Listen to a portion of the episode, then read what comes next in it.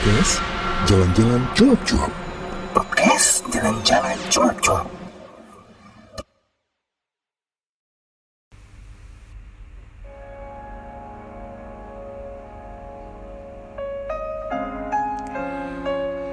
Assalamualaikum warahmatullahi wabarakatuh. Ketemu lagi dengan saya Danan Dan pastinya masih di Jalan-Jalan Cuap-Cuap Sebetulnya podcast ini itu untuk cerita jalan-jalan.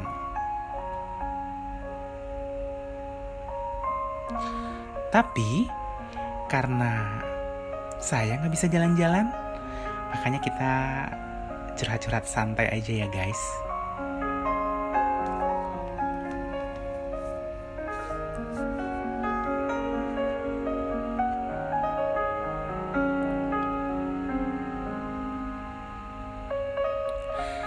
Kalau ngomongin uh, musibah yang sedang terjadi di dunia, kayaknya udah capek banget gitu. Kayaknya semua informasi, semua kanal informasi, televisi, WhatsApp, semuanya informasi corona. Dan kadang juga kita nggak tahu itu benar apa salah gitu. Jadi ya udah kita bingung gitu. Ini mana yang benar? Ini mana yang salah? Gitu.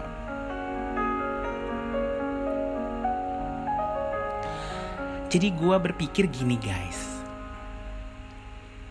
Kalau dulu tuh zaman gue mengenal internet pertama kali wah ketahuan banget ya gue lahir daerah apa? Waktu itu tuh orang nggak banyak dapat informasi. Jadi kalau ingin tahu sesuatu kita tuh harus cari gitu ya. Benar-benar cari mengumpulkan semua informasi. Itu bisa dari perpustakaan bisa dari koran bisa dari majalah gitu.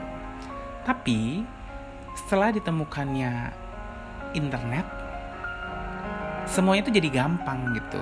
Jadi kayak gua waktu kuliah juga wah enak banget nih bikin tugas akhir gitu ya. Bikin tugas kuliah semua itu gampang. Karena ada internet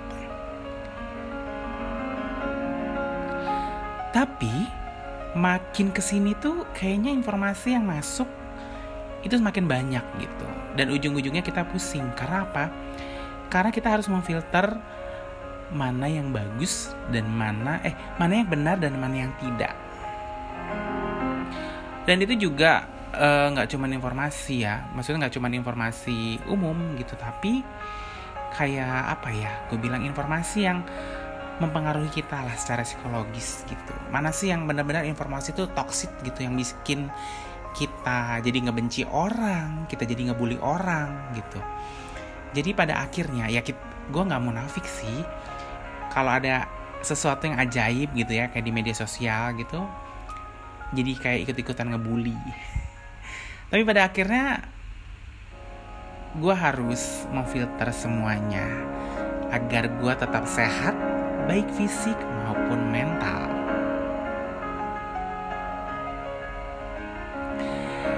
Kayak beberapa kejadian lah sebenarnya. Gue cerita nggak ya ke? Jadi kan gini, semenjak ditetapkan beberapa negara yang ada di di dunia ini kan melockdown gitu ya, jadi nggak boleh lah orang masuk. Jadi banyaklah warga-warga negara Indonesia itu yang terjebak di luar negeri gitu. Salah satunya adalah teman gue sendiri yang kemarin mungkin udah gue ceritain. Jadi teman gue kan kerja di Bangkok kemudian dia liburan lah di Jepang. Nah ternyata dia nggak bisa balikan lagi ke Bangkok karena Bangkok ini sedang melockdown gitu. Thailand ya Udah kayaknya ada iklan melewat deh. Bentar bentar Tara backsoundnya pakai iklan. Oke. Nah jadi karena temen gue nggak bisa balik karena harus pakai surat bebas corona. Di Jepang nggak bisa, ya udah akhirnya dibalikanlah ke Indonesia. Tapi ternyata setelah sampai Jakarta untuk dites uh, rapid ini atau untuk mengetahui kita terinfeksi virus COVID-19 itu ternyata harus dalam kondisi tidak sehat gitu. Jadi ditamakan lah kalau kita sehat dan baik-baik saja untuk memenuhi satu kedatangan di satu negara itu tidak dilayani. Ya udah bingung dong teman gue tapi teman gue masih beruntung karena dia masih bisa balik ke Indonesia. Walaupun terancam ya gitu dengan pekerjaannya dia di Bangkok. Tapi whatever lah. Semua orang pasti akan mengerti kondisinya yang terjadi. Karena bukan dia satu-satu yang kelok gitu. Beberapa temannya yang di Medan di Manado juga kejadiannya sama.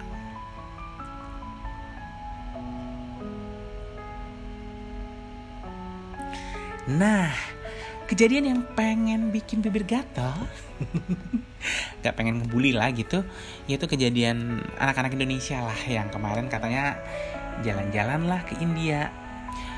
Jalan ke India itu sebenarnya sudah ada uh, travel warning dari pemerintah Indonesia.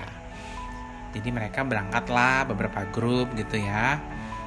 Kan kayaknya travel warning juga sempat Ya sekali Terus ada yang kedua kali yang sampai si menteri dalam negerinya mengumumkan.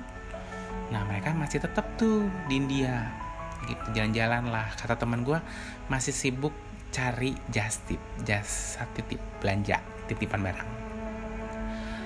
Nah jadi ceritanya uh, ternyata pesawat mereka dari Jakarta eh dari New Delhi sampai ke Indonesia itu di cancel gitu karena ini adalah bagian dari uh, India untuk melockdown.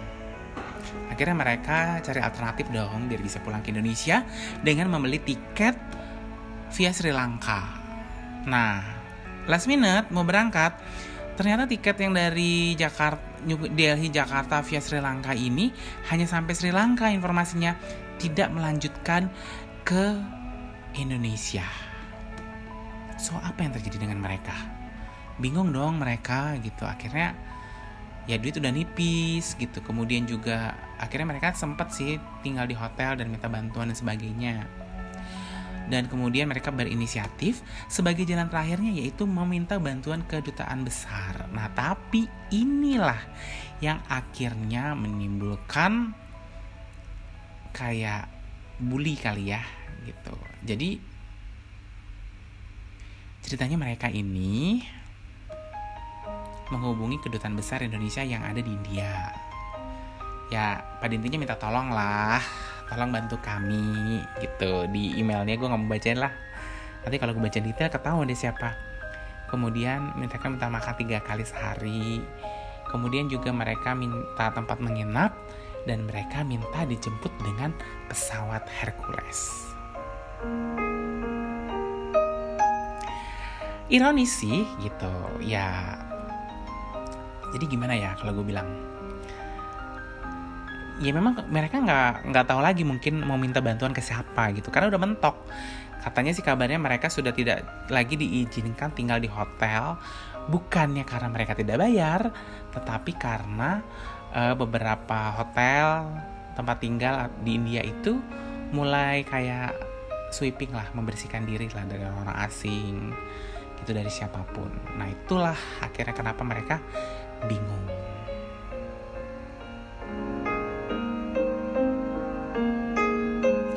Dan ini juga kejadian loh, lockdown ini dengan beberapa jadi kalau di Singapura itu kan banyak orang-orang Malaysia yang bekerja di Singapura, mereka pulang pergi. Mereka ini biasanya lewat Johor gitu. Nah, kalau lewat Johor, mereka PP bisa setiap hari. Nah, kejadian dong Malaysia melockdown dan si Singapura juga tidak mengizinkan orang yang sudah di negaranya untuk menyeberang gitu. Akhirnya mereka yang pulang pergi nggak punya tempat di Singapura itu ya udah ngegelandang katanya sih ada kabar-kabar dan tidur di stasiun MRT gitu tapi sih untungnya ada beberapa pihak yang baik dan e, memberikan mereka tumpangan gitu. Gitu. Nah ini sih memang sebenarnya dilema juga sih bagi gue sih penghobi traveling gitu. Jadi gue juga kemarin kan udah kalian dengar lah ya di podcast podcast gue sebelumnya bahwa uh, gue sempat juga kemarin ke Rusia pas wabah corona ini. Tapi gue sih sebenarnya melihatnya kan ini belum wabah nih gitu dan kayaknya potensi lockdownnya juga belum ada. Nah tapi belakangan-belakangan ini memang sangat berpotensi untuk terjadinya namanya lockdown.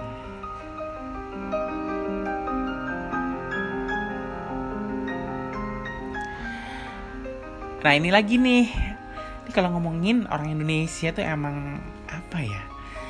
Ya kita memang ada pro dan kontra ya mau di lockdown atau tidak gitu. Tapi secara mental kayaknya belum siap deh gitu. Untuk social distance aja kayaknya kita tuh masih agak susah gitu. Jadi kalau gue ngambil sampel gini, kantor gue gitu.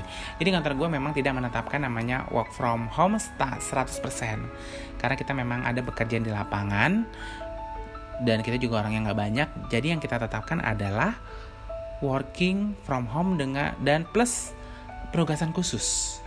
Jadi dua hari itu kita working from home, terus dua hari kita yang namanya penugasan khusus ke kantor berangkat.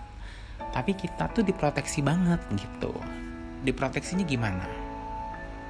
Tunggu yang satu ini ya. Aduh.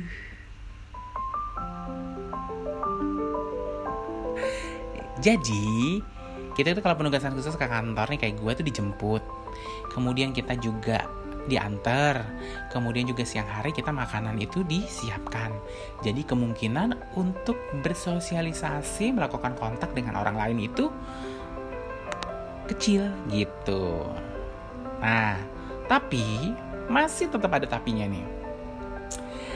Konyol ini beberapa teman gue lah ya gitu. Let's say nggak gue sebutin namanya karena kita juga kerja mungkin jauh dengan keluarga gitu ya ada yang kos lah atau apa pun itu memanfaatkan ini sebagai ajang untuk pulang kampung. Secara logisa logika sih gini. Lo sama kantor sudah difasilitasi untuk tidak melakukan kontak sosial dengan orang lain. Diantar dijemput bahkan disuruh kerja dari rumah gitu. Tapi kan konyolnya lo malah berangkat mudik yang notabene itu lewat pesawat. Lo bersinggungan dengan banyak orang gitu. Maka pada akhirnya untuk teman-teman gue ini yang mudik, yang pulang kampung mendapatkan surat peringatan.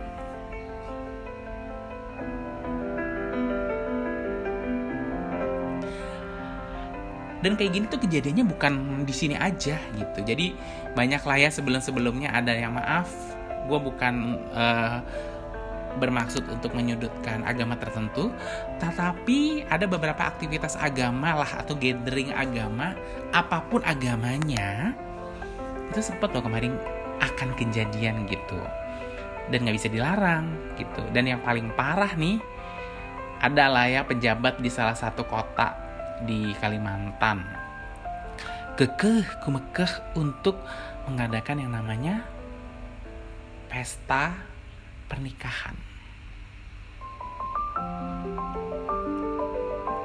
Hai guys, pesta pernikahan itu kan ngumpulin banyak orang gitu.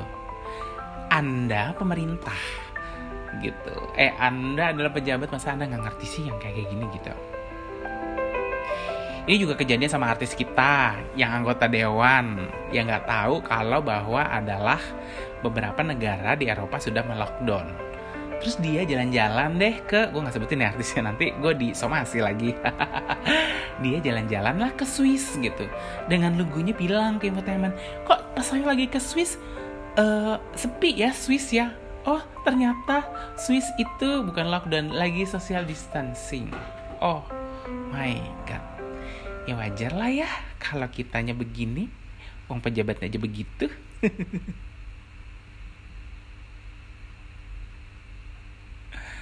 gitulah yang terjadi. Makanya sih gue agak-agak miris nih sebenarnya dengan kondisi gitu. Jadi pro kontra lockdown gitu agak bingung gitu.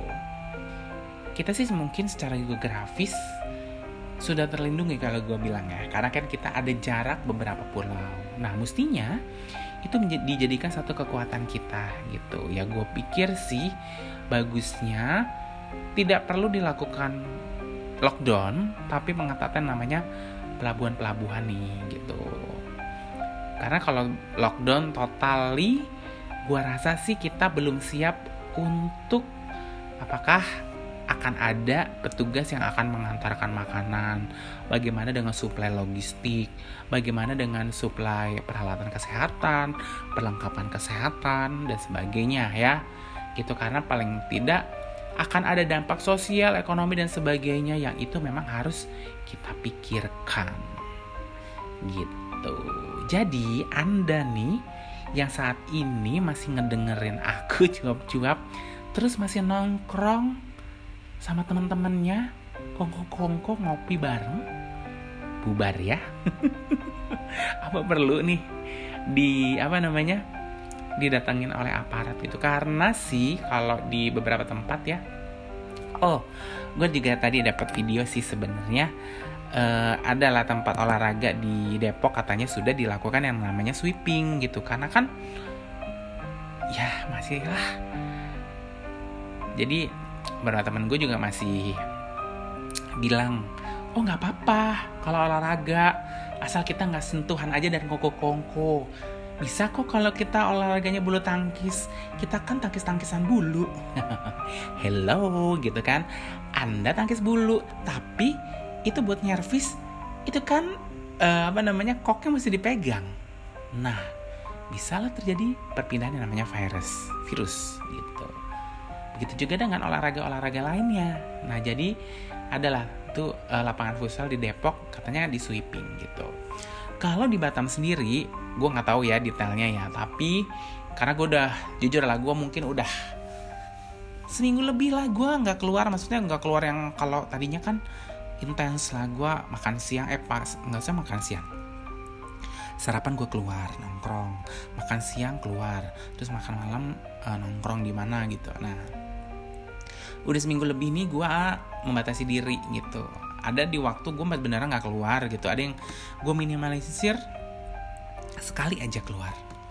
Gitu. Sampai untuk makan pun gue sekarang masak ya gue membatasi diri gitu. Nah jadi ya kalau di Batam sendiri itu katanya uh, alun-alun putri itu sudah ditutup. Dan sekarang yang jaga bukan satpol pp lagi tapi polisi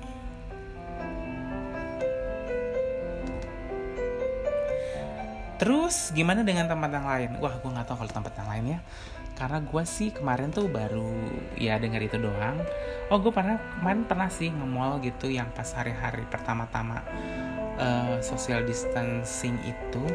Tapi gue pikir ya udah cukup sepi ya kalau gue di Batam Center cukup sepi gitu tapi nggak tahu sih di tempat-tempat lain oh iya tapi lucu sih kemarin juga ada komunitas yang masih ngajak ngopi bareng kongko bareng terus sharing foto-foto ngopi. Wah. Ya kalau gue pribadi sih gini ya. Uh, sebenarnya kayak apa ya? Kayak dilema juga sih. Jadi gini terus sempat ditanyain gitu emang lo takut sama corona? Gue sih nggak takut even gue amit-amit ya tapi zaman kejadian gue kena corona dan gue berpulang lah atau apa pun it's okay. Tapi jangan sampai berpulangnya gue itu menzolimi orang. Udahlah gue mati karena gue tidak menjaga diri terus gue jadi penyebar yang namanya virus. Itu kan namanya konyol guys kadang-kadang greget sih gitu. Juga kayak adalah juga nih kejadian di Kendari yang katanya sih salah satu eh bukan salah satu keluarga korban corona yang meninggal itu kekeh mau jenazahnya itu dimakamkan secara layak. Akibatnya apa guys? Satu kampung guys. Gitu dipantau. Ada juga kejadian uh, yang nggak mau di karantina gitu. Ah banyak lah pokoknya jadi sih kalau gue bilang tuh sekarang ini yang perlu dilakukan adalah kesadaran diri dan keikhlasan kali ya gitu. Kayak gue sekarang lah mencoba ikhlas seandainya kondisi seperti ini itu sampai di bulan Mei. Gue nggak akan pulang kampung guys gitu. Terus bilang lo nggak kangen? Kangen banget. Tapi saat yang gue pikirin orang tua gue udah tua dan itu adalah salah satu uh, yang paling rentan dengan virus corona. Juga ponakan gue juga masih kecil-kecil. Ya gue pikir sih kayaknya gue yang harus ngalah.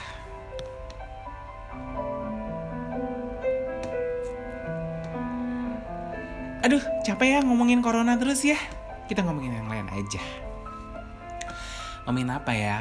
Gue pokoknya sih uh, insya Allah maunya tiap malam tuh gue bisa ngobrol kayak gini cuap-cuap. Karena kan sebenarnya gue itu adalah tipikal orang yang sangat uh, sosial. Jadi maksudnya ya gue suka lah bersosialisasi gitu kan. Terus yang namanya manusia nih sebenarnya kan memang ditakdirkan itu untuk uh, berhubungan dengan manusia lain. Maksudnya ngobrol lah. Nah yang kayak kayak gini nih uh, kondisi-kondisi yang kayak gini kalau lo nggak dikeluarkan kayak gue nih gitu. Gue ngeluarinnya ya gue coba-coba kayak gini karena gue ngerasanya tuh kayak ngobrol aja dengan kalian. Kalian semua ada di depan sini dan gue ngobrol gitu. Dan gue gak akan ngomongin corona lagi. Gue pengen beda aja positif aja. Dan mungkin untuk kalian yang mungkin ingin dibacakan ceritanya atau mau curhat silahkan aja mengirimkan di email aku natar.city gmail.com atau dananwahyu at yahoo.com langsung aja dananwahyu at yahoo.com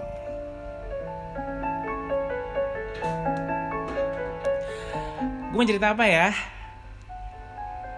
Oh. cerita apa? Oke. Okay.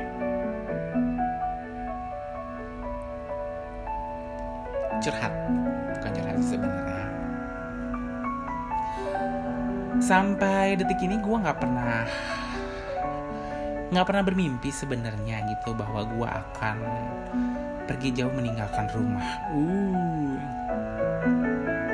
Nggak nggak karena gue ada sebenarnya gue kan anak bungsu dan gue cuma dua bersaudara dan settingannya dulu itu gue jaga rumah terus kakak gue yang sekolah ikatan dinas terus di mana ditempatkan di mana gitu. Gue sebenarnya mau lah ya sekolah ikatan dinas kayak gitu. Cuman uh, gak dikasih sama nyokap gitu. Karena gue disuruh jaga rumah. Tapi kita nggak pernah tahu guys. Yang namanya takdir itu kadang nggak bisa kita prediksi. Jadi cerita singkatnya ya udah uh, kakak gue tuh balik ke kota kelahiran gue di Lampung. Terus dia jadi di rumah. Dan ternyata gue ada kesempatan untuk keluar dari kota Lampung. Dulu sih sebenarnya gue tuh pengennya ke Jakarta gitu kata teman-teman gue gitu. Cuman ibu gue tuh kayak nggak ikhlas gitu. Setiap gue tes ke Jakarta tuh dia langsung ngomong gini nggak usah kerja jauh-jauh di Lampung aja katanya. Gaji kecil nggak apa-apa yang penting kumpul gitu tapi takdir beda guys. Terus ya gue pelan sih. Jadi gue juga nggak langsung keluar dari Lampung. Gue sempet juga kerja di Lampung Utara gitu ya luar kota Bandar Lampung. Sebagai informasi aja gue lahir dan besar di Bandar Lampung di kotanya. Jadi gue juga tidak pernah ke kota-kota lain yang ada di Lampung. Tuh parah ya ya udah gue akhirnya pindahlah kota terus pada satu kesempatan tuh gue dapat ya satu peluang lah untuk di luar kota dan gue bisa tentang menyokap gue bilang gini e, kayaknya gue harus keluar deh gue bilang. Karena gue adalah laki-laki karena gue akan punya tanggung jawab yang lebih besar jadi gue harus melangkah lebih jauh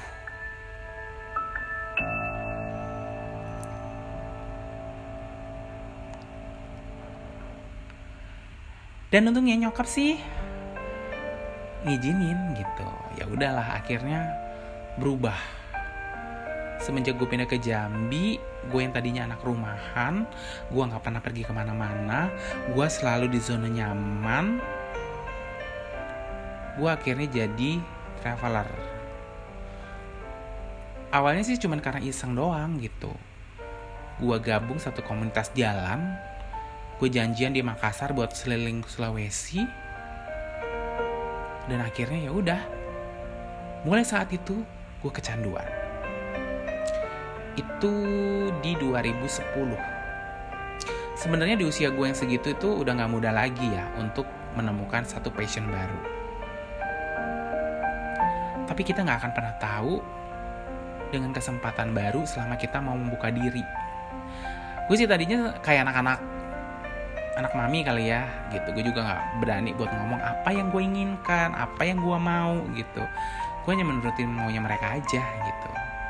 Ya udah ketika gue traveling ternyata gue menemukan hal-hal baru. Gue jadi bisa nulis gue bisa foto gue bisa video. Ah makanya gue pikir tuh pengalaman 2010 sampai saat ini 2020 adalah sesuatu yang luar biasa. Yang gue mungkin bisa jadi diri gue sendiri nggak jadi orang lain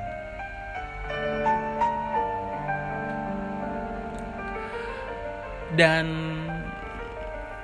kalau ditanya lu sampai kapan mau kayak gini nan gue juga nggak tahu sih gitu. Karena pada dasarnya gue gue tuh apa ya ya pokoknya suka aja lah melakukan hal-hal yang baru gitu yang menyenangkan gitu yang bersifat visual.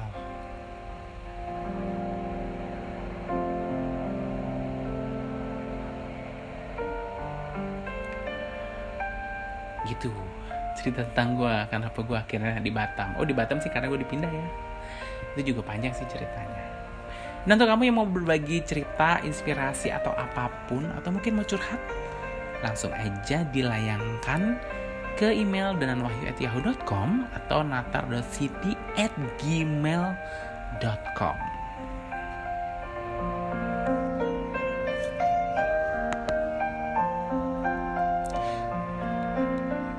gue udah berapa lama ya ngomong kayak gini ya? Ya udah deh terima kasih ya. Kayaknya gue harus closing dulu. Besok kalau gue ada waktu gue bakal ngobrol lagi. Dan kalau kalian mau curhat silahkan curhat. Gue nggak akan ngomongin yang namanya corona. Kayaknya gue mau bawain acara curhat-curhat cinta gitu. Jadi uh, mungkin nanti akan ada cerita orang lain yang gue tidak akan sebutkan namanya tapi gue akan bercerita. Semoga ini memberikan inspirasi buat kalian semuanya. ya udah deh aku mohon maaf ya kalau ada salah-salah kata dan akhir kata. Dan mengucapkan wassalamualaikum warahmatullahi wabarakatuh ya. Jangan lupa bahagia ya. Tetap di rumah